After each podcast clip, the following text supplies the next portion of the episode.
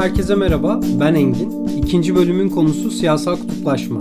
İstanbul Bilgi Üniversitesi Uluslararası İlişkiler Bölümü öğretim üyesi Emre Erdoğan ile metodoloji yani yöntemi konuşarak başladığımız sohbete siyasal kutuplaşma kavramıyla devam ediyoruz. Siyasal kutuplaşma kavramının son zamanlarda toplumsal olarak sıkça konuşulan bir kavram haline gelmesine rol oynayan tarihsel, politik, bilişsel ve duygusal dinamikleri ele almaya çalıştık. Söz Emre Erdoğan ile gerçekleştirdiğimiz söyleşte. Ben şöyle genel bir soruyla başlamak istiyorum aslında. Yani bu çok konuşulan bir konu e, son zamanlarda. Ya bütün kamuoyu şirketleri, medya şirketleri, ya bütün medyada, bütün basında e, sıklıkla duyduğumuz bir kavram siyasal kutuplaşma. Nedir? Siyasal kutuplaşma nedir? Kutuplaşma kavramının üzerinde de kutuplaştık diye başlıyoruz. Öncelikle kavramın kökeni Amerika Birleşik Devletleri. Bizim anladığımız anlamda bilimsel olarak tartışılması Amerika Birleşik Devletleri'nde oluyor.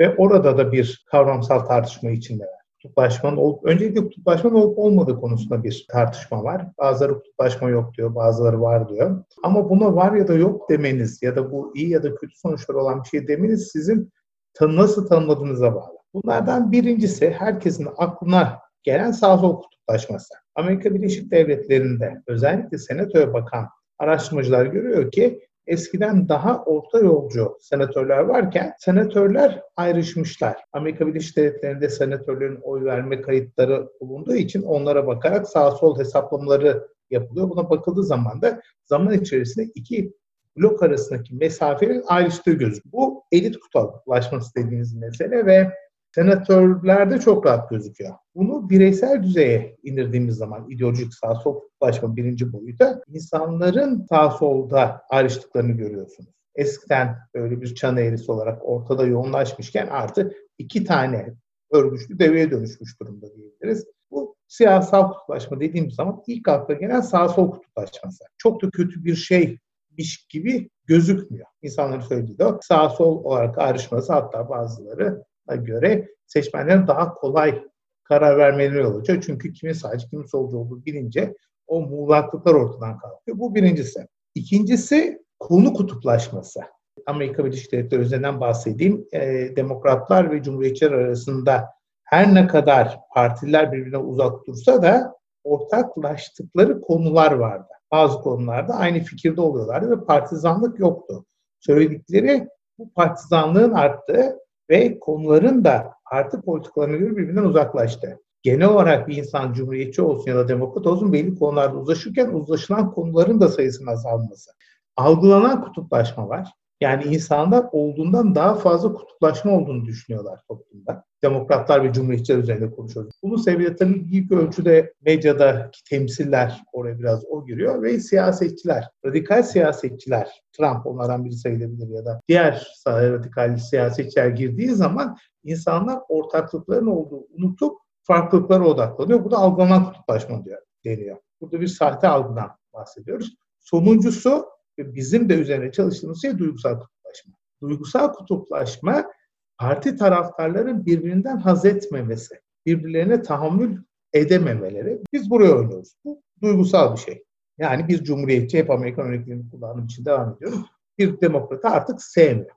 Ya da bizde de bir CHP'li bir AK Partiliyi sevmeyebiliyor ya da bir AK Parti bir HDP'liyi sevmiyor diye bir sevmeme duygusal hal oluyor. Bunun farkı ne diğerlerinden? Şimdi bütün demokrasi teorisi dediğimiz şey insanların akılcı davrandıklarını söylüyorlar. Yani ben benim çıkarlarım bu yöndedir, onun çıkarları bu yöndedir. Bazen çıkarlarımız kesişir, bazen çıkarlarımız farklılaşır. Buna göre ayrışabiliriz ya da birleşebiliriz diyor. Demokrasi teorisi bunu der iken ortada duygusal kutuplaşma girdiği zaman haz etme ve sevmeme geliyor. Şöyle bir çerçeve giriyorsunuz. Benim çıkarlarım, onun çıkarları aynı değil. Bu rasyonel bir şey demeniz gerekirken ben onu sevmiyorum aranızdaki duygusal mesafe artıyor. İşte bu duygusal kutuplaşma. Yeni olan bu. Metotla da birlikte anlatmaya çalışıyorum. Birincisinde siyasal kutuplaşma ya senatörlerin pozisyonlarına bakarsınız, oy verme davranışına bakarsınız. Biz bunu Türkiye'de denedik. İki arkadaşımla beraber çok anlamlı bir yarışma gelmedi. Çünkü Türkiye'de milletvekilleri parti çizgisine oy veriyorlar. Bizde hiç o orta alan yok. Amerika'da varmış, bizde yok. Dolayısıyla bunu gösteremedik. Gösterebilsek iyi bir çalışma olacaktı ya da halka soruyorsunuz sağcı mısınız, solcu musunuz diye.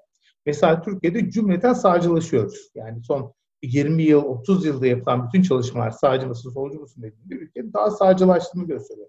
O da başka bir ölçüm meselesi. Algılanan kutuplaşmada anketlerle yapılan bir şey ama duygusal kutuplaşmada başka şeyler de sormanız gerekiyor. Yani seviyor musunuz, sevmiyor musunuz? Amerika Birleşik Devletleri'nde bir barometre var, şey, termometre var 0-100 arasında. Seviyorsanız 100 diyorsunuz, sevmiyorsanız 0 diyorsunuz. Bunun sevmemeye doğru evrildiğini görmüşler farklı kutuplar arasında. Birbirini karşılıklı sevmiyorlar. Bizim baktığımız meselede, bizim ikimizin baktığı yerde çünkü bu biraz siyasal psikoloji alanından beslenen bir şey. Psikolojik bir unsur. Dolayısıyla biz diyoruz ki kutuplaşma dediğimiz şey, anladığımız anlamda duygusal kutuplaşma dediğimiz şeyin bazı tezahürleri vardır. Nedir o tezahürler? Bizim daha önce yaptığımız ötekileştirme çalışmasından taşıyarak geliyoruz buraya. Bir sosyal mesafenin artması. Yani farklı partilerin insanların birbirleriyle yaşamak istememesi. İkincisi farklı partilerin insanların kendilerini diğerlerine göre ahlaken daha üstün görmesi. Bir ahlaki üstünlük. Üçüncüsü siyasal hoşgörünün azalması. Biz burada tezahür ettiği zaman kutuplaşmayı görebiliyoruz diyoruz. Türkiye'de duygusal kutuplaşma var dediğimiz zaman bu üç parametrede çok yüksek skorlara karşılaşmamız yol açıyor. Yani insanlar birlikte yaşamak istemiyor.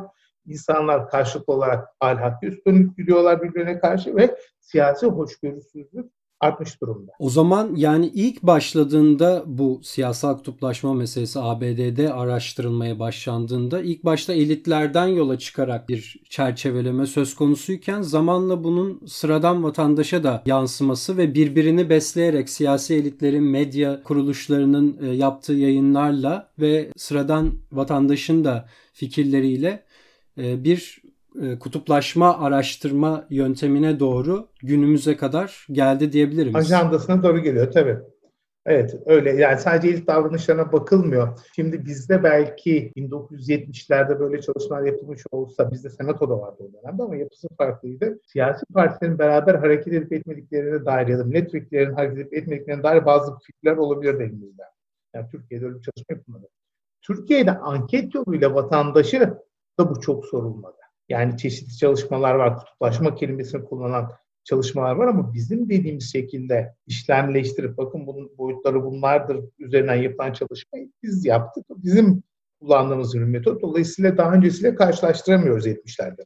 Bize gelen en büyük itiraz 70'lerde de anarşi vardı, kutuplaşma vardı. Hep şunu söylüyoruz. Bu ülke zaten başından beri Türkiye Cumhuriyeti belli çatışmalar üzere içselleştiren bir ülke belli çatışmalar üzerine kurulmuş bir ülke. Bunlardan birincisi hepimizin bildiği merkez çevre çelişkisi. Yani modernleşmeci bürokratlarla ona direnen halk arasındaki gerilim Şerif Mardin'in çizdiği çerçeve. İkincisi 1960'larla beraber gelen sağ sol kırılması. Yani 1960'lardaki orta işçi sınıfın oluşması, kentleşmeye karşı buna direnen muhafazakarların da özleşmiş bir sağ sol çatışması. Bir de bunun üzerine gelmiş olan 1980'ler ve 90'lardaki Türk-Kürt çatışması. Yani Türkiye'de zaten bu hayatları mevcut. Bunların üzerine gelen bir şey. Bizim söylediğimiz şeyin yeniliği bunlardan farklı olmasından değil. Bizim söylediğimiz şeyin yeniliği ilk defa bu şekilde karşılıklı algılar ve karşılıklı duygular üzerine bir perspektifin masaya konmuş olması. Ve bu bizim zaten hep bildiğimiz gündelik hayatta gözlemlediğimiz birbirine katlanamam hali olması. Tür, aradaki fark o. O yüzden mesela şey tartışmaları çok doğru, gerçekçi olmuyor. 70'lerde daha mı fazlaydı? Bilmiyoruz çünkü bu şekilde ölçülmedi. Bizim iddiamız, biz bu şekilde ölçerek gördüğümüz şey yeni. Çünkü Türkiye'de siyasi parti tercihleri kimliklere dönüştü. Biz kimlik kavramıyla bakıyoruz. Kimlikler önemli. Önemli çünkü bize dünyadaki olayları yorumlama e, şansı veriyor. Bir tür gözlük ama o gözlük size aynı zamanda bir duvar da veriyor. Siz ve diğerler arasında bir duvar görüyorsunuz. O duvar işte bizde siyasi tercihler üzerine kurulmaya başlandı. Bizim iddiamız bu. Yeni olan bu. Amerika Birleşik Devletleri'nde olan da bu, İngiltere'de de olan bu. Yani kutuplaşmanın olduğu her yerde gördüğümüz şey bu tür fay hatlarının oluşmuş olması. ABD'den bahsettik. Biraz da Türkiye'den bahsettik. İleride e, biraz daha detaya ineriz Türkiye'ye gelince. Bu e, nasıl böyle hani kıtalar arası e, bir kavram haline geldi ve herkesi etkileyen, her yerde çalışılan Avrupa Avrupa'nın e, birçok ülkesinde de bu e, kutuplaşma, siyasal kutuplaşma çalışmaları artıyor gittikçe. Burada e, nasıl bir değişken devreye girdi sizce? Zamanın ruhu. Yani bunu tabii ki tarihsel olarak düşünmek gerekebilir. Bu konuda da bir karşılaşma çalışma yapıldı. Bölünmüş Demokrasiler diye bir kitap yayınlandı. Bir de Murat Somer hocamızın Jennifer McCoy ile yaptıkları bir karşılaştırma çalışma var. Bunu yeni kılan ne? Dediğimiz zaman başka bir fenomenle karşılaşıyoruz, popülizmle karşılaşıyoruz. İkisi bir de aynı tarihsel art alanın doğurması mümkün. Yani nasıl popülist liderler belli tarihsel faktörler nedeniyle gündeme geldiler ve iktidara geldilerse o kutuplaşma da aynı tarihsel faktörlerden beslenmiş olabilir. E bunlar ne? E, basitçe 2008 krizini bir kenara koyalım. Yani 2008 krizi ve onun takipçisi olan ekonomik eşitsizlikler, o sorunun çözülememesinin bir kırılma yarattığını düşünebiliriz. E, öteki taraftan mesela kültür meselesi var. Ve England en son kitapları demokrasiyle ilgili yazdıkları kitapta buna çok önem veriyorlar. Yani onların gözünden popülizmin yükselmesinin temel sebebi herhangi bir coğrafyada küreselleşmeci insanlar ile bundan kaybetmiş olan insanlar arasındaki çekişme. Dolayısıyla o hem popülizmi tetikler hem de kutuplaşmayı tetikler. Çünkü kaf yapıyor. Siyasetin yapılma biçimi ikisini birden etkiliyor. Siyaset özellikle medyanın da değişmesi, siyaset magazinel bir hal aldığı için eğlenceli tipler, daha kavgacı tipler bir tür reality show'a dönüştüğü için popülist liderler de böyle. Aynı şekilde medyanın da bu şekilde dönüşmesi yani tarafsız en azından iki tarafa da eşit mesafede durmaya çalışan medyanın yerini belli bir taraf adına konuşan medyaya bıraktı. Yani orta saha boşaldığı için kutuplaşma daha kolaylaşmış durumda medyanın da değişmesi. Ve sosyal medya var. Sosyal medyadaki bütün o mekanizmalar algoritmaların bazı şeyleri göstermemiz, insanların gözüne getirmemesi, hepimizin kendimize benzeyen insanlarla takılmamız vesaire gibi şeyler kutuplaşmayı da tetikleyen şeyler. Yani bütün bunlar bir yere geldiği zaman popülizm ve kutuplaşmanın aynı anda tezahür etmesi beni şaşırtmıyor. Çünkü aynı ortamdan besleniyorlar. Burada tabii bir faillik tartışması da var. Biz bunu özellikle altını çizdik ve kabulde gördük. Biz kim kutuplaştırdı diye bir arayış içerisinde değiliz. Kutup, şu kutuplaştırıyor, bu kutuplaştırıyor. Şu anda Türkiye'de siyasal argümanlar bunun üzerine kuruluyor. Sen kutuplaştırıyorsun, ben kutuplaştırıyorum. Şimdi böyle bir faillikten ziyade bir hal olarak anlamamız gerekiyor. Türkiye'de kutuplaşma var. Siyasi aktörlerin katkısı değişebilir. Birisi daha fazla ama bir siyasi aktörün tek başına yapabileceği şey değil. Çünkü bunun biraz önce bahsettiğim ekonomik boyutu var, sosyolojik boyutu var, kurumsal boyutları var. Tek bir aktörün kullanacağı dille değişmez bu. Bir aktör bu ortamdan istifade edebilir. Ama her aktör bu ortamdan istifade edebilir. Bizim işte belki hani tam bu noktada söylememiz gereken şey şu. Mahallelerin birinde çok büyük e, tezahüratla karşılaşmamamızın sebebi de bu olabilir. Çünkü biz faal aramıyoruz. Bizim için bu hal bu hali oluşturan faktörleri anlamaya çalışıyoruz. Peki akademik literatürde de e, bu son değiniz, değindiğinize e, refere ederek söylüyorum bunu. Akademik literatürde de böyle bir tartışma var mı? Yani elitler mi kutuplaştırır yoksa kutuplaş e, var olan kutuplaşmadan elitler beslenir ve elitler onu körükler, çoğaltır gibi bir e, ayrım var mı? Gerçek gerçek anlam da akademik işlerden bahsediyorsak bunun karşılıklı olduğunu herkes kabul ediyor. Bu bir spiral gibi. Yani bir yerden bu momentumu yakalayan bir surf dalgası gibi düşünün. O dalgaya çıkan siyasetçi bunu sömürüyor. Ama onun kullandığı değil ve karşılıklı kullanılan değil, özellikle biz ve onlar ayrımı, popülist politikacılarda çok yoğun olarak var, kutuplaşmayı kolaylaştıran bir şey. Dolayısıyla bu karşılıklı oluyor. Çünkü e, siyasetçiler tam tersi bir tavır sergileseler, yani bu ikili ayrışmadan kaçabilseler, sen ben ayrımından kaçıp ortaklığa bakabilseler belki aşağıdaki dalga kırılabilir. Böyle bir olasılık var. Ama mesele şuna geliyor. Yine e, faillik meselesine geri döneceğiz aklılık meselesine. Siyasi liderin bunu yapması için sebep var mı? Yok. Yani o dış faktörler sabit kaldığı sürece bunu yapmak parti, siyasetçi için kârlı. O yüzden de yapmıyor. Ötekisini yapıyor. Ötekisi yapınca kutuplaşma artıyor. Bu şekilde bahsettiğim spirale, döngüye girmiş oluyor.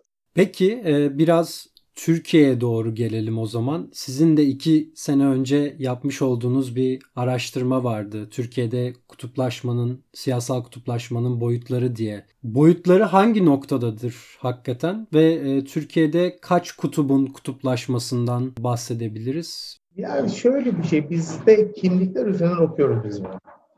Yani bizim okuyuşumuz siyasallaşmış kimlikler kimlik siyaseti üzerine okuyoruz. Yani biraz 1990'ların mirası üzerine. Ee, kaç tane kimlik anlamda tek başına baktığınız zaman yani Türkiye'de hangi kimlikler piyasada insanların kimliklerini nasıl ölçeriz? Bir, insanların tek bir kimliği yok. Ve kimlikler aslında toplumsal pozisyona göre değişir. Biraz burada rol teorisi de devreye giriyor. Hangi setuptasınız, hangi sahnedeyseniz öne çıkan kimliğiniz farklılaşabilir. Bunu akılda tutmakta fayda var. Birden fazla kimlik. İkincisi kimlikler birbirleriyle ilişkili kimlik vektörleri var.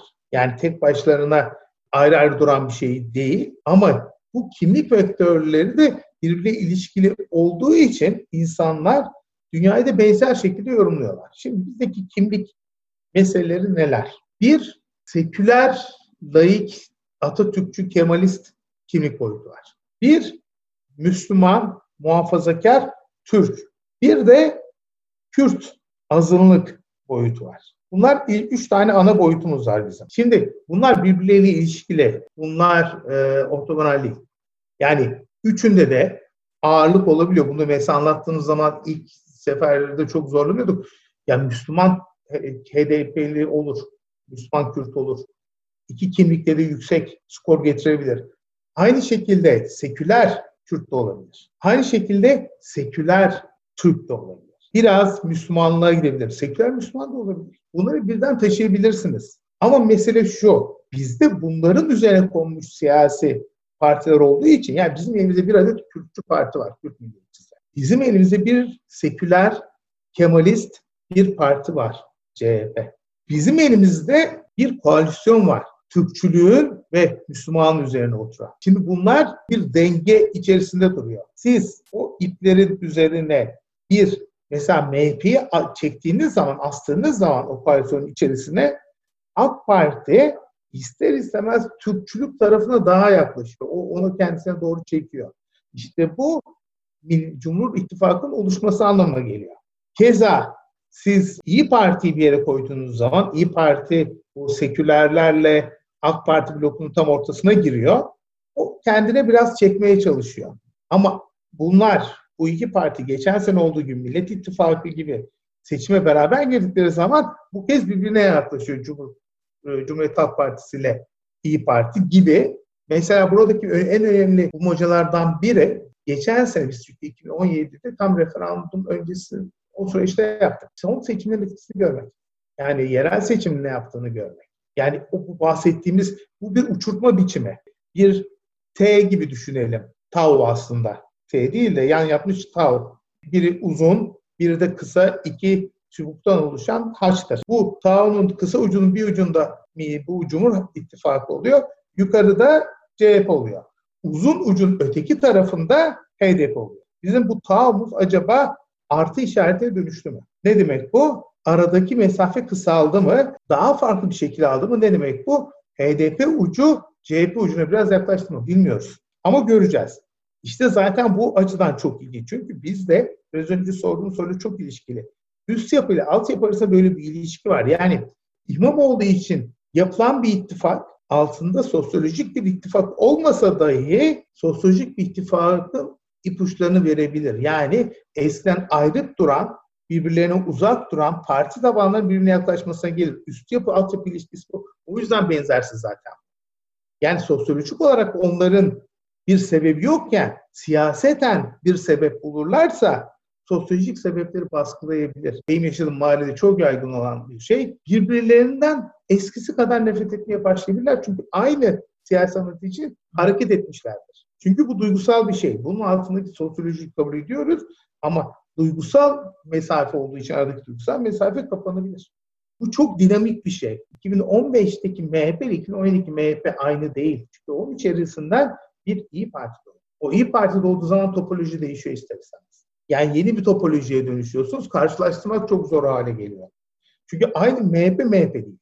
O da işte neden o MHP işte düşmeye başlayalım. Türkiye'nin son dönemde yaşadığı siyasi kırılmalar kendiliğinden o Cumhur İttifakı'nın temellerini attılar. Eskiden bir arada duramayacak insanlar bir araya geldiler, kendilerine ortak bir payda buldular. O yüzden yeni bir şey ve önemli bir şey. Bu topografi meselesine de bir değinelim isterseniz. Bu bu topografi kavramı e, bu işin neresine yani kutuplaşmanın neresine oturuyor ve nasıl etkiliyor kutuplaşmayı? Azaltıyor mu, arttırıyor mu ya da hangi şartlar altında azaltıyor ya da arttırıyor? Bu topo, topografi kavramını ben e, Perspektif Online'da yazdığım bir makalede anlatmaya çalıştım. Unuttuk diye. Bunun altında aslında 1950'lerdeki bir mekansal oy verme davranışı var. Mekansal oy verme davranışı çok önemli katkıları olan bir şey. Oy verme davranışı literatürüne. Bu da şu, e, öykü şeyden başlayayım. Evden çıkıyorsunuz, ekmek alacaksınız. Ekmeğin fiyatı aynı ve kalitesi aynı. Yakın bakkala mı gidersiniz, uzun bakkala mı gidersiniz? Uzak bakkala mı, yakın bakkala gidersiniz. Bütün bakkalların ekmeği aynı fiyata sattıkları yerde, öyle bir ortamda herkes aynı bakkala gider. Ama siz ekmek aramıyorsunuz, kruvasan arıyorsunuz diyelim. O zaman yakınızdaki bakkalı pas geçersiniz. Daha sonraki bir pastaneye gidersiniz. Siz ona alışveriş yaparsınız. Anthony Downs'dur bu 1957 ekonomik oy verme davranışı. E, An Economic Theory of Democracy e, diye bir kitapla bunu yazdı bize.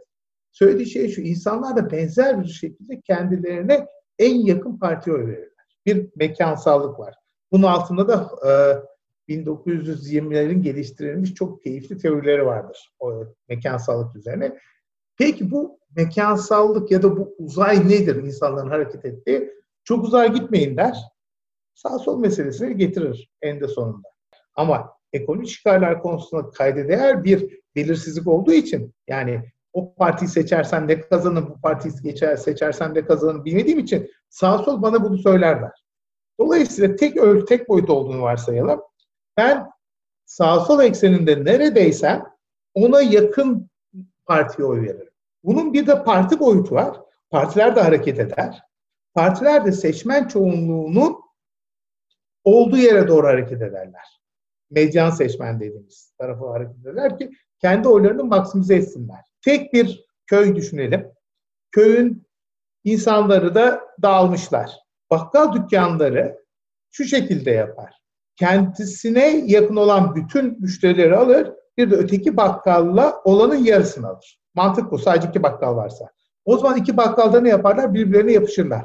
Çünkü kendisine yakın olanın tamamını alacak, ötekisinin de yarısını alacaklar. Çift örgütlü ise farklı şekilde davranır. Çünkü çift örgütlü de hareket ettiği zaman kaybeder. Ortaya yaklaştığı zaman kaybetmeye başlar. Bir de iki parti bu. Bir de arkasına başka partiler giderse mesela merkezde bir parti varken onun soluna bir girgisi girerse, onun mahallesinin ortasına birisi bakkal açarsa insanlar o bakkala gitmeye başlar. O zaman da o merkezdeki parti ne yapar? Sola kayar. 1965'te Türkiye'de olan budur. CHP ile Adalet Partisi efendi efendi tam ortada buluşmuşlarken birinin solunda, diğerinin sağında partiler kurulunca hareket etmeyi zorunda. O kadar hadi hareket edelim sağa kayalım. Ben sağa kaydığım zaman soldakini oy kay kaybediyorum. Bu denge yüzünden işte bu topografi bu yüzden önemli. Şimdi bu tek boyutlu olmaz. Birden fazla boyutlu olur. Yani tek şey değil. Bunu da işte 2000'lerin başında e, Ali Çarkoğlu ve Mervin Hini Türkiye'de yaptıkları zaman işte hep bahsettiğimiz Türk-Kürt dindar seküler ayrımları yaptı. Yine o da Tao'dur. Yani normal bir artı işareti değildir. Tüm partiler Refah Partisi'ne uzaktır. Dizilmişlerdir böyle düz bir çizgi olarak. Bir de aralarında minor mesafeler vardır. Zaten sıkıntı da orada olur. Hepsi refahtan o kadar çok kaçıyorlar ki ANAP'la TYP arasındaki farkı kimse anlamıyor. Bir tanesi, bir tanesi refaha doğru hareket edecek olsa kendi tabanını kaybedecek. Mesela işte SHP, CHP meselesi gibi. Biri biraz HDP yaklaştığı zaman onun içerisindeki Kemalistler koşarak öteki tarafa gidecekler. Eğer böyle bir anlamsız dengeden buraya gelinir. Çünkü siz hani şöyle söyleyeyim Şaşkın Bakkal'ın öyküsü gibi. Niye Şaşkın Bakkal diyorsunuz değil mi? Adam gidiyor Suadiye'de hiç kimse yokken yanlış bilmiyorsam da bir e, engeli de var hiç kimse yokken sadece insanlar yazın gelirken bir tane bakkal dükkanı açıyor. Şaşkın bakkal diyorlar adama. Yani kimsenin olmadığı yerde tezgah açarsanız kimse gelmez. Bunu Türkiye'de Hürriyet Partisi 1950'lerin ikinci yarısı, Demokrat Merkez Parti 1990, Yeni Demokrasi Hareketi 1994 denediler. Liberal Demokrasi Partisi'ni saymıyorum, Liberal Demokrat Parti'yi ama bütün bunlar liberal partiler olarak kimsenin olmadığı yere tezgah açtılar. Ve keza bunda solda da öyküsü var sayacak olsak. Yani ÖDP'den başlayıp yani solda da kimsenin olmadığı yere tezgah açarsanız ya da daha doğrusu vektörlerden uzak bir yere tezgah açarsanız kimse yapmaz. Çünkü vektörler kendilerini çekiyorlar, daha cazipler. Çünkü çatışma vektörler üzerinden gerçekleşiyor. Sizin nüanslarınız üzerinden gerçekleşmiyor. Bu kadar siyasi parti açılıyor da bunların topografyada yeri var mı?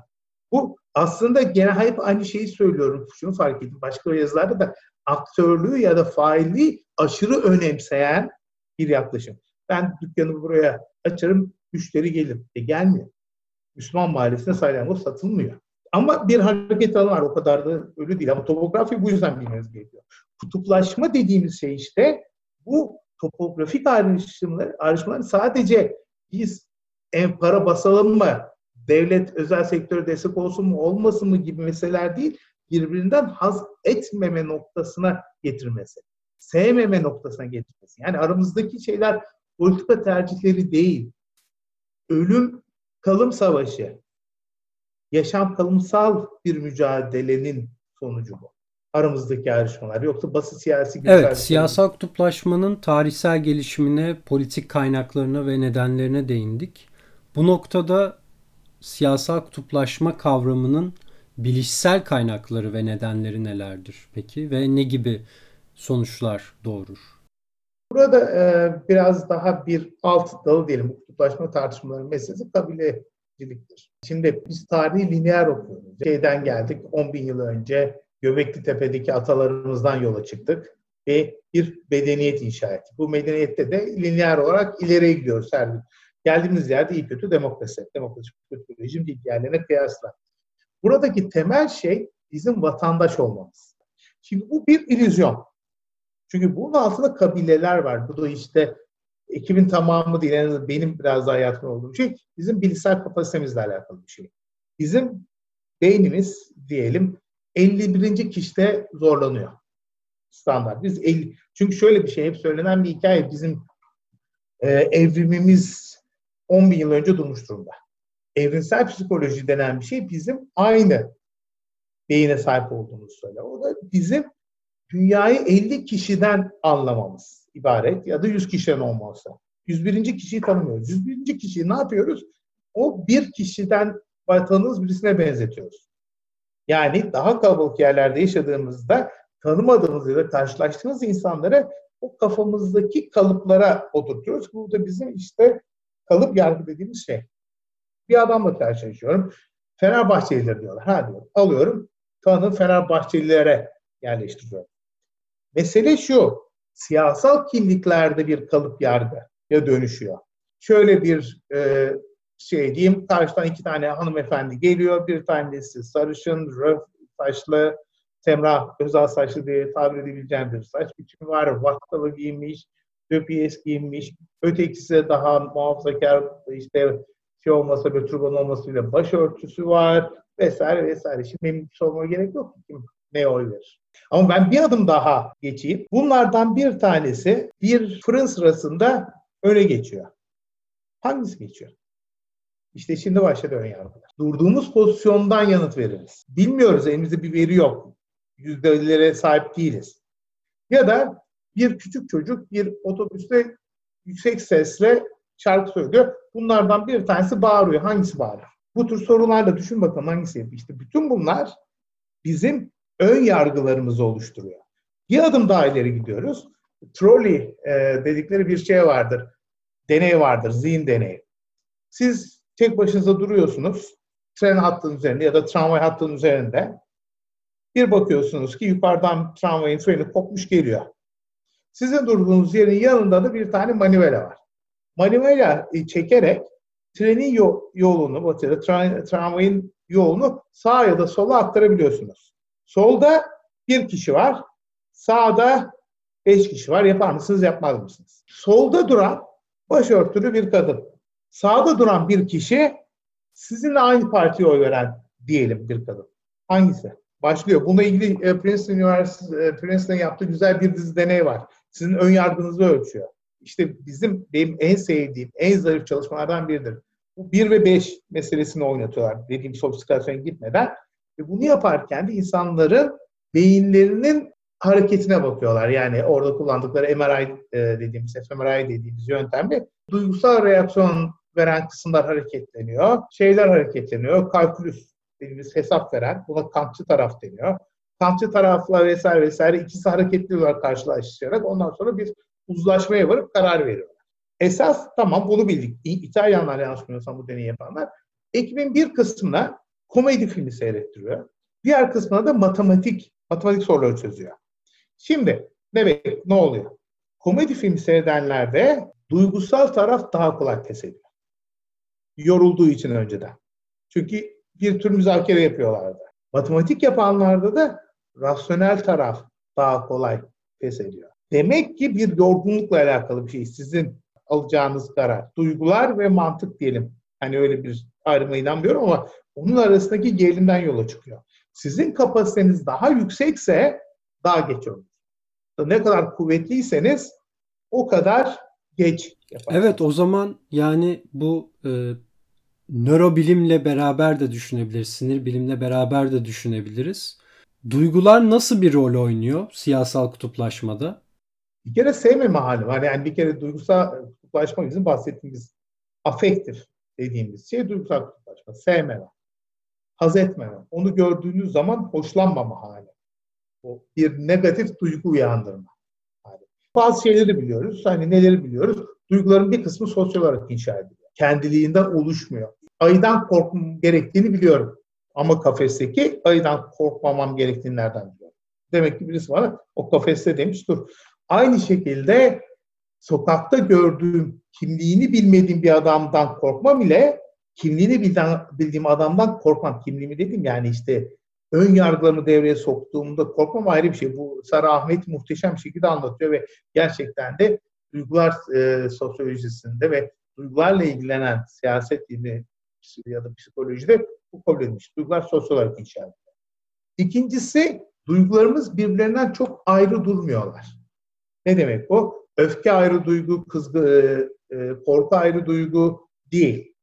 Biz olumlu ya da olumsuz duygular hissediyoruz. Buna bir isim veriyoruz. Aslında bu isim verme zaten bilişsel olan ve sosyal olan içeriği getiren şey. İsim verme biraz inşa edilen bir şey. Yine bildiklerimizden bir tanesi duygular konusunda özellikle öfke ve e, korku gibi duygularda ya da sürpriz ya da utanç gibi duygularda insan olay ve onun sorumlusuna bakıyor. Başıma kötü bir şey geldi. Bunun sorumlusu benim utanç duyarım. Başıma kötü bir şey geldi. Bunun sorumlusu kim? Başkası öfke duyarım. Başıma kötü bir şey geldi. Örneğin Covid-19 salgını gibi ya da terör saldırısı gibi. Sorumlusu kim bilmiyorum. Korkarım. Bütün bu hani yapılar da bizim düşünme biçimimizi yol açıyor. Yani biz birisini bir başımıza gelen kötü şeyin müsebbibini bildiğimiz zaman farklı davranıyoruz. Bilmediğimiz zaman farklı davranıyoruz. Utanç mesela bu konu üzerine inanılmaz bir literatür var. Bütün bunlar bizim hayatımızda. Yani duygular dünyaya bakış açımızı değiştiriyor, çerçeveyi değiştiriyor. Üzerine yine yeni bildiğimiz şeylerden bir tanesi de e, duygularımız olmasa karar veremiyoruz. Duygular karar verirken, bu da Antonio Damaso'nun bize söylediği şey, net bir şekilde bize kardeşim bunu kararı alırsan başına iyi ya da kötü şeyler geleceği söylüyor. Buna somatik marker deniyor. Geçmişteki deneyimimizden, başımıza gelenlerden bir de e, öğrendiklerimizden, diğer okuyarak, yaşayarak, gözlemleyerek öğrendiklerimizden bir bilgi oluşturuyoruz, içkin. O da duygularda kendisini tezahür ediyor. Peki kutuplaşmada dediğimiz mesele bütün bu duygular harekete geçiyor zaten kutuplaşma ile ilgili. En önemli şeylerden bir tanesi benim bahsetmediğim duygulardan bir tanesi tiksinti, iğrenme. Tiksinti ve iğrenme duygusu sağlıksız olana duyulan bir şey. Benim de meselem şu, ben bir kabilede yaşıyorum. Bir yabancı geliyor. O yabancı her türlü hastalığı taşıyabilir ve bana zarar verebilir. Dolayısıyla ondan tiksiniyorum. Şuna bak, sarışın mavi gözlü, iğrenç bir şey. Bana kim bilir ne bulaştıracak gibi. Bu tiksinti doğal olmayana duyulan bir duygu. Ve tiksinti tabii ki inanılmaz bir şekilde insanların birbiriyle iletişim kurmasını yapıyor. Kutuplaşma ne yapıyor? Sahte kabileler yaratıyor. Sahte türler yaratıyor. Bu sahte tür de bizim çok e, psikolojiden ödünç aldığımız şeydir. Çünkü aslında insanoğlunu türlere bölmek mümkün değil. E, maymunda bile 99.8 genetik ortaklı olan bir tür. Yani bunu alt türleri bölemezsiniz. E, Japonlarla Çinliler arasındaki var sahte tür. Ayrı tür değil onlar. Aynı insanlar. Aynı varlıklar. Bu sahte türcülük ayrı bir şey. İşte milliyetçilik, her türlü kabilecilik sahte tür yaratır. Malatyalılık. Bir tür Malatyalı diye bir tür yok. Hatta onunla dalga geçen de bir şarkı var. Malatyalıların en büyük özelliği Malatyalı olmalıdır diye. Ortak özelliği. Yok öyle bir tür. Yani kendimize eleştirelim. Galatasaraylılık bir tür değil. Türmüş gibi davranırsak çok işimize gelir. Çünkü biz tür gibi davranırsak öteki türü de tarif ederiz. Biz ve onlar ayrımını kolaylaştırırız. Her tür ideoloji bunu yapar. İşte böyle bir inşa, inşa ediyor dedim ya, ötekiyle karşılaşıldığındaki duyguyu belirler. Tiksinti olabilir çünkü o bize hastalık ulaştıracak. Ya da öfke olabilir çünkü o bize haksızlık yapmıştır. Korku olabilir, ondan bir tehdit algılıyoruzdur. Kutuplaşma dediğimiz mesele bunun üzerine, bu duygusal reaksiyonlar üzerine. Ben farklı ortamlarda farklı şeyler yapıyorum, konuşmalar yapıyorum. İsim vermeyeyim. Bununla ilgili yaptığım bir konuşmada da 2018 seçimleri ben çok renkli bulurum. Orada Recep Tayyip Erdoğan'ın Ekrem İmamoğlu'nun videolarını gösteririm. Bir iki tane. Ya insanlar bir kere de söyledim kendilerinden olmayan dinlerken resmen tiksiniyorlar. Fotoğrafları çeksen tiksintinin resmini çekmiş olacak. Hani hiç uğraşmıyorum baş bir fMRI aletine sokayım ya da kafalarına elektrot bağlayayım falan. Tiksinti elle tutulur hale geliyor. Çünkü onlar için tiksinti verici ve oradaki taraftarları gördüğü zaman da tiksiniyorlar. Çünkü onlar normal değil. Yani hangisi olduğu önemli değil. İsimleri düşelim. Ee, Ekrem İmamoğlu ya da Recep Tayyip Erdoğan değil. Onu görüp çığlık atan insan öteki taraftakine hasta gibi. Tiksinti duyuyor. Ve tiksinti duyuyor. İşte duygular bu kadar işin içerisinde. Ve çok kolaylaştırıyor işi. Ben hep söylediğim hikaye siyaset duygularla ilişkili bir şey. Siyaset duygularla yapıyorsunuz. Akıllı Siyaset duyguların manipülasyonu işi. Siyasetçi duyguları manipüle eder. Bununla ilgili ben 2015 seçmen üzerinde de çalışmıştım. Mesela Trump kendi seçmenlerini çok iyi aynalayan bir seçmen. Yani onların duygularını çok fazla hissettiren bir seçmen. Peki şey, lider Trump'ın seçmenlerini hissediyor? Tiksinme ve öfke. Trump neyi yansıtıyor? Tiksinme ve öfke. Trump'ın konuşmalarına bakıyorsunuz, tiksinme ve öfke var. Trump'ın yüz ifadelerini analiz ediyorsunuz, tiksinme ve öfke var. Trump'ın takipçilerinin tweetlerine bakıyorsunuz, tiksinme ve öfke var. Lider bunu yapar zaten. Aynalar. Aynaladığı zaman avantaja gider. Kutuplaşma dediğimiz şey duygusal, kutuplaşma dediğimiz şey duygusal adacıklar yarattığı için siz kendi seçmen kitlenizle daha iletişim kurarsınız. Çünkü onların ne hissettiği hakkında fikriniz vardır. Bizde de çok fazla tiksinti var. Türkiye'de de siyaset alanında öfke ve tiksinti egemen Peki duygular. sona doğru yaklaşıyoruz yavaş yavaş ee, ama bir iki soru daha soracağım. Siyasal kutuplaşmayı daha iyi anlamak için e, ne gibi kaynaklar e, önerebiliriz? Ne, ne gibi kaynaklar var? Şöyle bir şey oluşmakta olan bir alandan bahsediyoruz. Yani yani Türkiye'de biraz daha herhalde biziz.